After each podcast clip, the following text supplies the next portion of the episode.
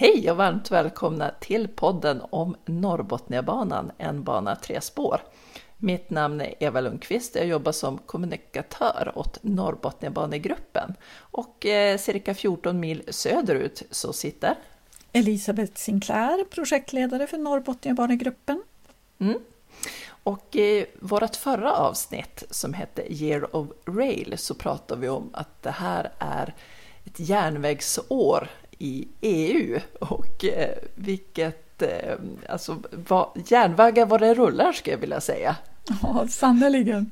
Så att det här avsnittet har vi mycket att prata om, bland annat bygget som pågår just nu av Norrbotniabanan, att eh, persontrafiken mellan Kalix och Haparanda har startat. Sen allt nu som hände i mitten av april, både gällande infarten till Luleå, infrastrukturpropositionen och att nattåg ska bara rulla till Skellefteå från och med nästa år. Och som lök på laxen så kördes dessutom ett hiskeligt långt godståg på 835 meter från Machen till Malmö.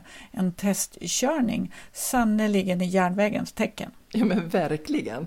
Eh, men du, eh, då kör vi! Jajamensan!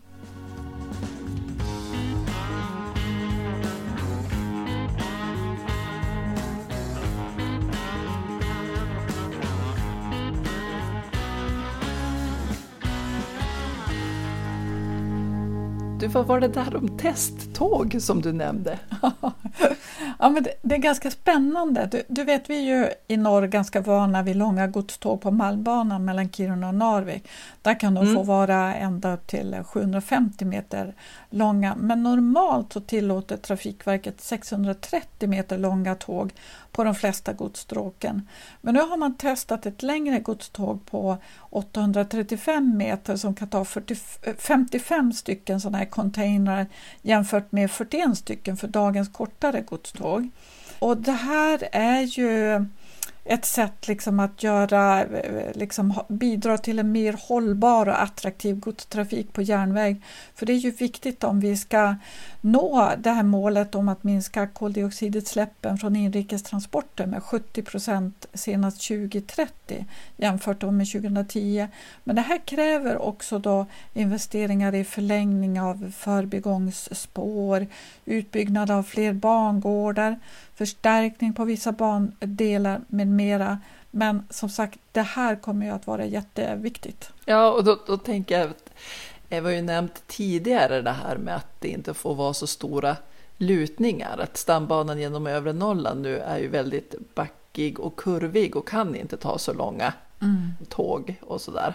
Ja, och, eh. och det har ju att göra med det här, för hundra år sedan så gjorde man faktiskt avsteg från dåvarande standard så det är ju värre än vad det hade kunnat vara. Och, eh, men sen så är det också så att, att eh, vid en, en nybyggd järnväg, den ska inte luta mer än 10 promille max.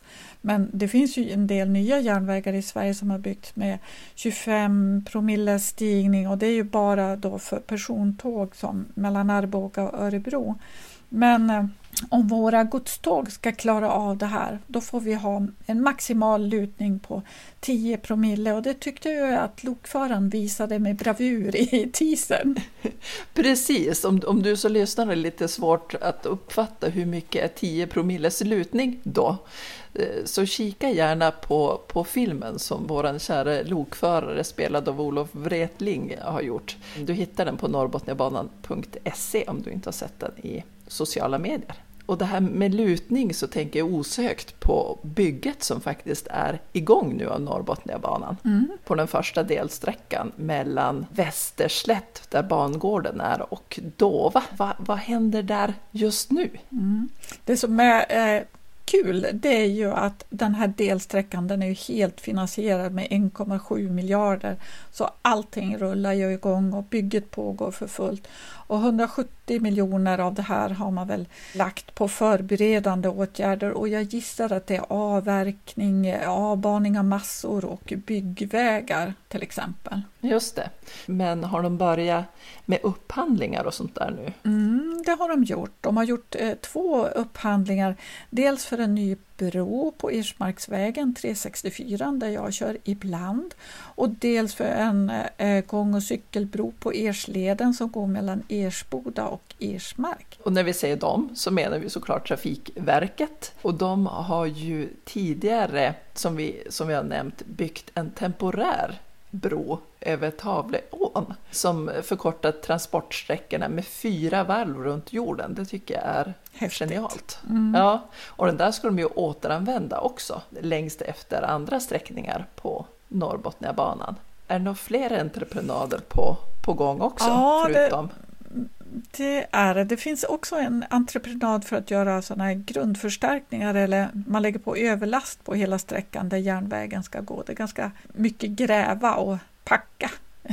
packa jord. Va, vad menas med överlast? Mm. Alltså, om, jag, om jag nu kommer ihåg rätt så är det så att en järnväg måste ligga absolut stilla. Och det får ju inte finnas vatten från eh, marken och jorden underifrån som tränger upp uh, på delade jorden av svaga punkter. Och därför måste man gräva ur och så packa marken hårt. Det finns ju till exempel sånt där som heter artesiskt grundvatten som tränger upp, som sipprar upp och det var ju liksom en sån grej som hände med Botniabanan där vid, eh, på Västerslätt och då grävde man ur och så la man på, jag tror det var kanske kan det vara 8-10 meter hög vall med, med jord och eh, kanske till och med bergmassor bara för att trycka ner allting så hårt som möjligt. För järnvägen får ju liksom inte kollapsa sett när man har byggt den. Utan det måste göras först och då fick det där ligga i ett, två år under den tiden. Det här är också lite kul anekdot om Botniabanan för det var ju så att den här överlasten då, det blev som en ås eh, som var åtta meter hög och en dag när jag kom körande in på väg in mot stan, då passerar man först Naturbruksgymnasiet där de har kor. De hade mm. rymt den dagen och det visste jag ju inte då, men det var jättemycket dimma så att man såg inte vägen framför sig. Däremot så såg man klart och tydligt toppen på den här åsen mm. och högst upp på den så gick korna. så det var som en, ah, som våra koänglar. Ja, men i vilket fall som helst så fick de åka hem. Och, men när överlasten har legat tillräckligt länge då gräver man bort alltihop och så kollar man att det inte kommer fram vatten någonstans. Och sen kan man börja bygga järnvägsbanken. Så det är liksom väldigt, väldigt noggrant med hur man bygger järnvägar, alltså under, underifrån. Så att det får man inte mm. slarva med. Se där, men då har jag lärt mig något nytt idag. Härligt! Ja, nu tänker jag lite från överlast till övervänt. Eh, hur går det egentligen med förlängningen av ScanMed-korridoren som har blivit som vårt eh, traditionsenliga inlägg i de här poddarna under ett år nu? Alltså, ja, egentligen skulle jag vilja skrika Ja, men jag tänker så vi kan prata om något annat också, men just nu känns det som man går med det här beslutet långsamt från den ena till den andra och så ska det skrivas på. Men jag hör ju att vi, det kommer ju att bli lite grejer här kanske i slutet på april, början på maj som en bekräftelse på den här förlängningen. Men vi är inte riktigt där med alla påskrifter än. Men Nej, det, det känns ju som att det är i hamn, men man kan inte bara riktigt jubla än. Typ så. Mm. Precis. Däremot så har ju, är ju blickarna i EU riktade på norra Sverige framförallt och det var ju så sent som den 16 mars som den Europeiska kommissionens ordförande Ursula von der Leyen nämnde allt det som händer i norra Sverige i okay. ett tal. Mm, jättespännande. Och hon, hon sa så här, på tal om industrins framtid, titta bara norrut till exempel till Sverige, där 160 kilometer söder om polcirkeln kan man besöka en pionjär som arbetar för att göra vår ekonomi grönare. I Luleå har en stålfabrik precis börjat använda vätgas för att minska användningen av kol vid produktionen av järnmalm. Och så nämner hon också H2 Green Steel och så skriver hon ehm, eh, ja, men det här med att stålindustrin, att det här är ett så viktigt steg mm. eftersom deras utsläpp motsvarar 9% av de, de globala utsläppen. Och eh, så slutar hon så här. Dessa svenska entreprenörer matchar andan i European Green Deal. Vi vill förena vårt sätt att producera och göra affärer med vår planets hälsa. Det är dags att göra detta, för det som är bra för planeten är bra för affären och bra för oss alla. Energiövergången är kärnan i vår European Green Deal. Är inte det fantastiskt? Alltså nästintill tårögd ju. Ja, precis. Sen önskar jag att det skulle finnas fler svenska dagstidningar som skrev lite mer om det som händer i norr, men det kommer nog så småningom. Ja, alltså för det händer ju på så många olika plan så att, och man märker ju att det både skrivs och pratas om det mer och mer. Och eh, på tal om, om att bli nästan tårögd, mm. det här beskedet som kom att eh, nattåget ska gå in i Skellefteå från och med 1 april nästa år. Ja, och kan du tänka dig Eva, det här var inget aprilskämt, även om det var som ett påskägg fullt med godis. Ja, och jag tror att eh, det var någon fler än du och jag som tyckte det här var jätteroligt. Men så roligt att nattågen rullar in i centrala Skellefteå redan nästa år. Jag blev så exalterad av nyheten att jag redan nu firar med en tågresa söderut i en egen sovvagnskupé. Jo minsann. Och den är riktigt lyxig med egen dusch och toalett. Här kommer jag att sova så gott medan tåghjulen dunkar mot rälsen. Men först kvällskaffet. Mm-hmm. Det verkar vara skarvar på denna räls. Jag vet inte om ni hör det men det dunk, dunk, dunk, dunk. Nej, det här går inte. Ni får ursäkta, kaffet är uppiggande och, och det rinner irriterande snabbt genom kroppen. Jag ska se, försöka bara ta mig in på toaletten här innan jag kryper ner i kojen. Ah, himmel vad tråget kränger! Dunk, dunk! Vi, vi, måste vara på Ådalsbanan som definitivt behöver räta ut sina kurvor och backar. nej men nej! Jag startade duschen. Attans! Och nu får slangen runt här i kupén och rakt ner i sängen. Nej, men förgrömmat också. Dyblött! Ah! Får bädda torrt med handdukar. Stackars servicepersonalen då. Nu tror de att de haft en sängvätare på besök. Attans! Över till Elisabeth och Eva. För nu måste jag kissa. Alltså det där med duschknappen, det har nog inte bara hänt eh, lokföraren. Nej, jag kan säga att den där knappen sitter väldigt illa till. Rakt framför eh, ansiktet när man öppnar dörren och tar innan man har tagit det lilla trappsteget upp där. Men jag nämner inga namn. Liksom. Inga nej, nej, nej, nej, nej. Det, det, var, det var en vän. Ja, ja, precis. Ja, man längtar ju såklart efter att kunna sätta sig på, på tåget från Skellefteå, för det är, ju, det är ju ändå Sveriges största stad som saknar station för persontrafik idag. Ja, ja, och i det här sammanhanget med de jättestora investeringarna känns det ju jättekonstigt. Jättekonstigt. Men det ska bli spännande att, att eh, se. Jag vet ju att du har varit på den här bollen och nosat tidigare. Ja, alltså jag måste säga att det här var en fantastiskt glad eh, överraskning. Jag vet att man har dragit frågan för många år sedan och sen så var jag där och nosade lite på den för två, tre år sedan. Men grejen var då att eh, man säger så här att nej, men då måste det till en perrong och de ska följa då EU-standard och det blir en 30-40 miljoner minst. Men nu så hade man ju kommit fram till då att eh, jo men Norrbotniabanan kommer ju och då eh, kan vi bygga en provisorisk eh, perrong under tiden. Och det här är ju jätteviktigt då i samband med industrisatsningarna. Det gäller att liksom öppna upp alla möjligheter att komma till Skellefteå och sen så är det väl kanske du och jag som ska åka ut i jobbet någon gång. Det känns ju jättekul. Du, har, du var ju nära att få testa nattåget här för några Exakt. år sedan. Men Precis. tyvärr gick ju inte det. Det blev hotell istället på grund av urspårning eller vad det var för något. Ja, exakt. Det var inte tänkt då. Tåget väntar på mig i Skellefteå kanske. Ja, precis. precis. Ja, men det här är ju verkligen, är det, hur länge sedan är det nattåget gick till Skellefteå? Är det 30 år sedan?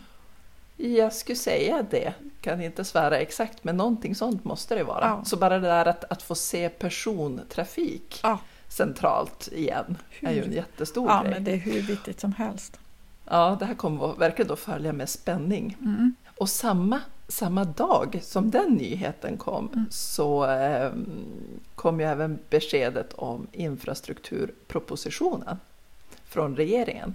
Vart fjärde år så presenterar ju regeringen denna infrastrukturproposition och där den viktigaste frågan i propositionen, det vart mycket med proposition där, Mm. men det handlar helt enkelt om hur mycket pengar staten ska satsa på infrastruktur under den kommande planperioden. Mm. Den nu gällande infrastrukturplanen, hur, hur mycket pengar ligger där nu? 622,5 miljarder kronor. Det, är rätt mycket pengar, men det blev ju ännu mer i den kommande. Ja, men så är det. Jag ska bara börja med att säga att oftast är det så att när infrastrukturpropositionen kommer så brukar man inte nämna några objekt. Men det gjorde Nej. man ju den här gången eh, på frågor där man sa att ja, men höghastighetsbanorna ska byggas och Norrbotniabanan där arbetet Ja. ska intensifieras och så vidare. Det var ju bara helt fantastiskt makalöst att höra. Så att jag hade hört Norrbotniabanan tre gånger, då slutade jag räkna. Jag bara lutade mig tillbaka och njöt. Men i runda slängar så är det väl kanske en, en ökning på 20 procent mer än, än vanligt. Och där är det ju då kanske ungefär ja, 176 miljarder mer. Och det här har ju, eh, säger man då, att, att det här är ju ett måste för att möta näringslivets investeringskraft och nyindustrialiseringen kräver ny infrastruktur. Och sen måste vi leverera för klimatnyttan och eh, uppfylla klimatlagen. Och för oss är det mer än viktigt att knyta ihop regionerna, att vi får en, Mm. en större arbetsmarknadsregion och så givetvis då kompetensförsörjningen och i förlängningen då så ska vi få till en ökad jämlikhet och ökad jämställdhet. Men eh, det här med att det blev 20 procents ökning, men vad innebär det här för projektet Norrbotniabanan och eh, ja, men norra Sveriges övriga prioriteringar kopplat till infrastruktur? Det viktigaste man sa det var ju att lackkort ligger och projekt i nuvarande plan ska slutföras. Så vi behöver inte vara oroliga då för sträckan Umeå-Skellefteå. Mm. Och eh, sen så ska ju också då Norrbotniabanan i sin helhet, sa de flera gånger, arbetet med Norrbotniabanan ska intensifieras, jätteviktigt. Och sen eh, så nämnde man eh, vid några senare intervjuer också Nordostkustbanan och godsstråket genom Bergslagen. Och när det gäller regionförstoring, ökad jämlikhet och jämställdhet så är en utbyggd järnväg otroligt viktigt i vår region där vi inte har liksom någon järnväg som kopplar ihop städerna längs, eh, längs kusten. I det här så ligger det ju just det här med intensifiering som är en del i januariavtalets löfte Mm. också om att utbyggnaden av järnvägar i norr ska fortsätta.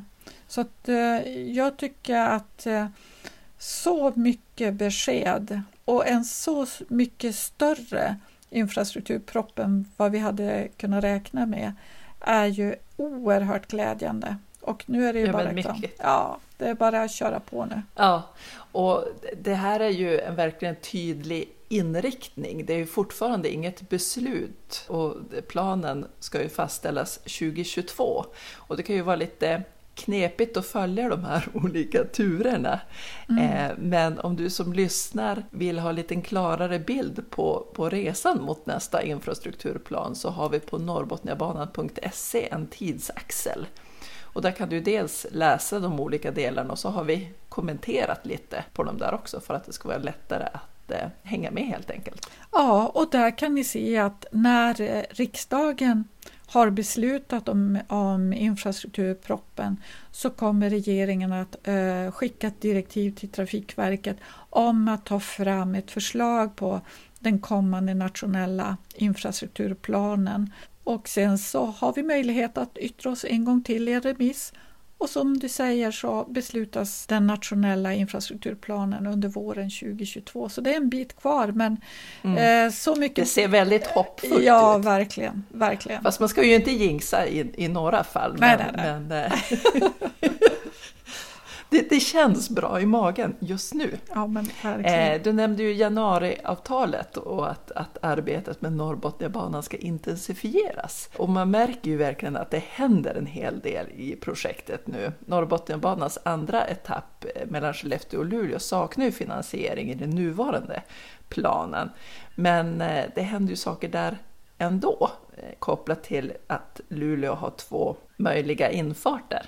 Ja, det var ju så att när Trafikverket var färdigt med järnvägsutredningen 2011, kan du tänka dig, det är tio år sedan dess, ja. så äh, hade man ju förespråkat till en början en östlig ingång av Norrbotniabanan med en fast bro via Hamnholmen och den fick äh, mycket god måluppfyllelse just den sträckan.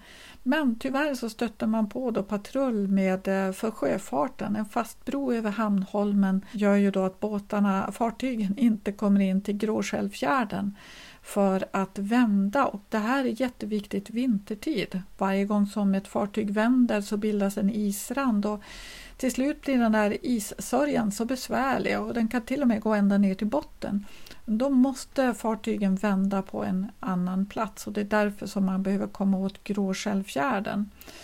Mm. Och då sa Trafikverket att, för man hade ju också tittat på ett västligt alternativ och då innebär det att tågen går in västerifrån via Notviken in till Luleå C och där får tågen lokvända och köra ut igen.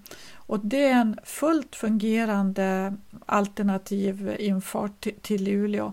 Men det man ser, såg redan då och det man ser nu det är ju att det skulle ge en liten, att det skulle ge en större regional utveckling. Vi skulle få fler genomgående tåg och så skulle vi få sådana här omlottrelationer som är viktiga då för arbetspendlingen. Och så en koppling då till Luleå flygplats. Och det är inte Luleåborna vi tänker nu ska åka tåg till flygplatsen utan det är ju områden runt omkring därifrån. Mm. Men eh, där 2011 så sa Trafikverket att vi kommer att välja det västliga alternativet. Men vi vill vi lämnar kvar den östliga korridoren och vi ber att kommunen gör detsamma. Sen kommer Trafikverket inte att driva det östra alternativet vidare. Men om en regional intressentgrupp tar upp det här arbetet och eh, hittar lösningar då för sjöfarten då är Trafikverket beredd att titta på det östra alternativet igen. Så nu var det 2019 på hösten så bildade vi den regionala intressentgruppen och sedan dess har vi jobbat med flera olika frågor och vi tittar både på gamla förslag på lösningar men också på, på nya nya mm. förslag. Mm. Och jag tänker om du som lyssnar vill veta mer om det här så har vi ju en nedgång på våran webb. Om du går på norrbotniabanan.se luleå.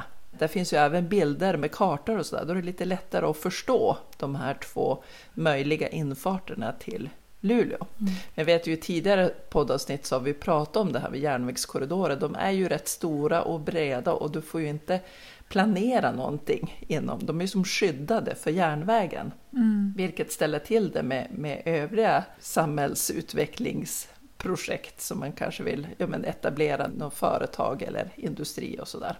Eller bostäder för den delen såklart. Exakt. Och det vi kan... Så det känns ju som bra att komma vidare med det här. Precis. Och det vi kan säga nu som just ligger framför oss det är ju att försöka se om vi kan tillsammans med sjöfarten få fram dimensionerna för fartygen, säkerhetsavstånd och sånt där för att börja titta på en öppningsbar järnvägsbro. Det är inget som Trafikverket är jätteglada över därför att de få öppningsbara järnvägsbroar som finns i Sverige är liksom tekniskt inte optimala för en järnväg. Det är svårt att få kontroll, som Trafikverket säger, på en, en öppningsbar järnvägsbro när man stänger den. Alltså att ja, alla, vad ska jag säga, man får tillbaks kontakten med, med järnvägen i sin helhet och sådär. Sen så tittar vi också lite grann om man skulle kunna använda Krokabuskeleden men mm, känns lite svårt. Och så att det är oerhört komplicerat att komma in österifrån. Men det skulle... Jag, jag tänker generellt just när det gäller järnväg så är den ju lite krävande och kinkig rent konstruktionsmässigt. Vi pratade ju tidigare om, om den får inte luta för mycket och så det här med överlast som jag lärt mig Precis, idag. Och den... den får inte skaka och du vet, ska det stängas en bro så måste det ju vara på mindre än millimetern rätt. Mm. Så, så att, eh, mm. Man brukar säga att den är styv och stel. Så att man kan ju inte mm. ha liksom svänga runt eh, något uthus här eller där utan tyvärr så är det ju ganska ja. raka rör som gäller. Precis. Men jag tror att vi kommer att återkomma till den här frågan. Ja, och när vi, när vi tänker på, så på lösningar så kan vi ju tänka lite utanför boxen hur man nu ska kunna ta sig över Hamnholmen. Jag tror att lokföraren har en idé där. Ja, så han, okej. Okay. Mm. Elisabeth och Eva, medan jag torkade vattnet här i tågkupén efter eh, ja, eh, duschslangsolyckan eh, kom jag på några idéer på hur man skulle kunna ta sig över Hamnholmen in mot Luleå centrum. Tänk om man kunde få tillräckligt med fart på tåget så att det kunde flyga över vattnet. Ja? med en gigantisk slangbälla där man fäster gummibandet bakom sista vagnen och så snäpp iväg bara. Eller om man skulle ta och konstruera ett eh, flåg. Mm, ni hörde rätt, ett flåg. När tåget stannar på flygplatsen, alltså ett eh, flygtåg. Mina damer och herrar, håll säkerhetsbältena fastspända medan flygplansvingarna fästes i tåget.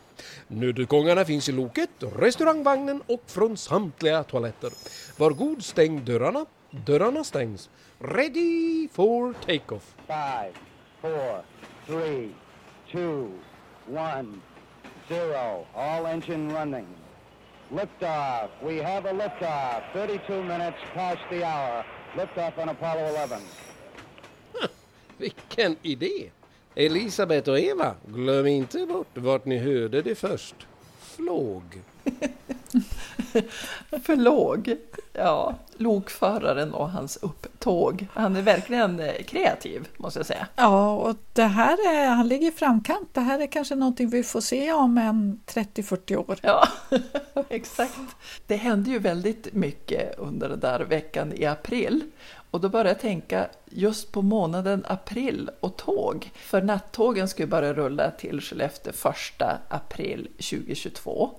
Sen mm. den 1 april i år så blev det ju möjligt att resa med persontåg mellan Luleå, Boden, Kalix, Haparanda. Vad är det med 1 april egentligen? det är ingen lurdag, det är en turdag. ja, så kan man säga. Ja, ja, precis. Och det här är någonting som vi har längtat efter. Och så småningom hoppas vi ju att vi ska kunna knyta ihop då trafiken till Uleåborg i i Finland. Vi ser jag, men du vet regionen, vi i norr. Mm. Att det här blir så viktigt. Och det är också så att Haparanda, Tornio kommer ju hamna då omfamnas av två stycken stomnätkorridorer. Det är en gränsövergång. Det är eh, ja, men kompetensförsörjningen både på svenska och finska sidan och att både i Luleå och Uleåborg finns det ju stora universitet. Så att här, ja, här ser vi att det skulle kunna bli en en, liksom någon typ av samverkan så att det känns jätte, jättespännande. Och den här sträckan var ju tidigare en del av Norrbotniabanan. Ja, så är det ju. När Norrbotniabanegruppen bildades för ja, 99-2000 så ingick ju, så pratade vi om hela sträckan Umeå-Haparanda. Mm. Men redan 2004 tror jag det var, så var det så att den sträckan Kalix-Haparanda var så dålig i så dåligt skick att man sa att eh, Trafikverket sa då att eh, om vi inte rustar upp den här sträckan då kanske vi blir tvungna att lägga ner tågtrafiken på den här sträckan. Och då bröt Trafikverket, eller det hette ju Banverket då, men bröt ut den här sträckan och döpte sträckan då till Haparandabanan. Och så byggde man nytt och restaurerade. Så att eh, man kan säga att det är ju som en första eh, etapp på Norrbotniabanan som blev kvar, klar då 2012 kanske det var om jag minns rätt. Ja, eh, jättekul att persontrafiken verkligen börjar rulla även där. Med tanke på återigen kompetens försörjningen. Ja, ja, precis. I Norrbotten sa ju just att starka företagsetableringar i länet visar stort behov av kompetensförsörjning nu och i framtiden. Därmed är utvecklingen av kollektivtrafiken en viktig del för att skapa förutsättningar till att leva och bo där man vill. Är inte det, låter inte det vackert? Ja, jätte. Det, det, det, är ju det är så man vill. Det är en målbild. Ja, och, och, inför det här så byggde man ju nytt resecentrum i Kalix och järnvägsstationen i Haparanda har ju rustats upp. Det är ju en fantastisk järnvägsstation och så har ni möjlighet att åka dit och titta och kika. Och på ena sidan stationsbyggnaden så har vi de svenska, den svenska spårvidden och på den andra sidan stationshuset så är det ju den finska spårvidden. Jag förstod ju att det var något klurigt med det där för min bror, jag var ju så himla liten då, men han sa du får inte gå på andra sidan huset för då hamnar du i Finland när vi skulle åka söderut från Haparanda. Så jag fattade inte riktigt liksom vad det betydde men mm, jag, mycket, jag förstår mycket bättre nu måste jag säga. Mm. Precis. Ja, det har varit väldigt matigt program, men eh, roliga nyheter. Och jag antar att du i vanlig ordning kommer att sammanställa det här i en blogg. Jajamensan. Och den lägger vi ju ut på norrbotniabanan.se. Och har du några funderingar kring det vi har pratat om eller någon önskan om att vi ska prata om någonting i kommande avsnitt så mejla gärna till info norrbotniabanan.se. Tror jag tackar för idag och önskar er alla en riktigt bra fortsättning på dagen. Ha det bra! Hej då!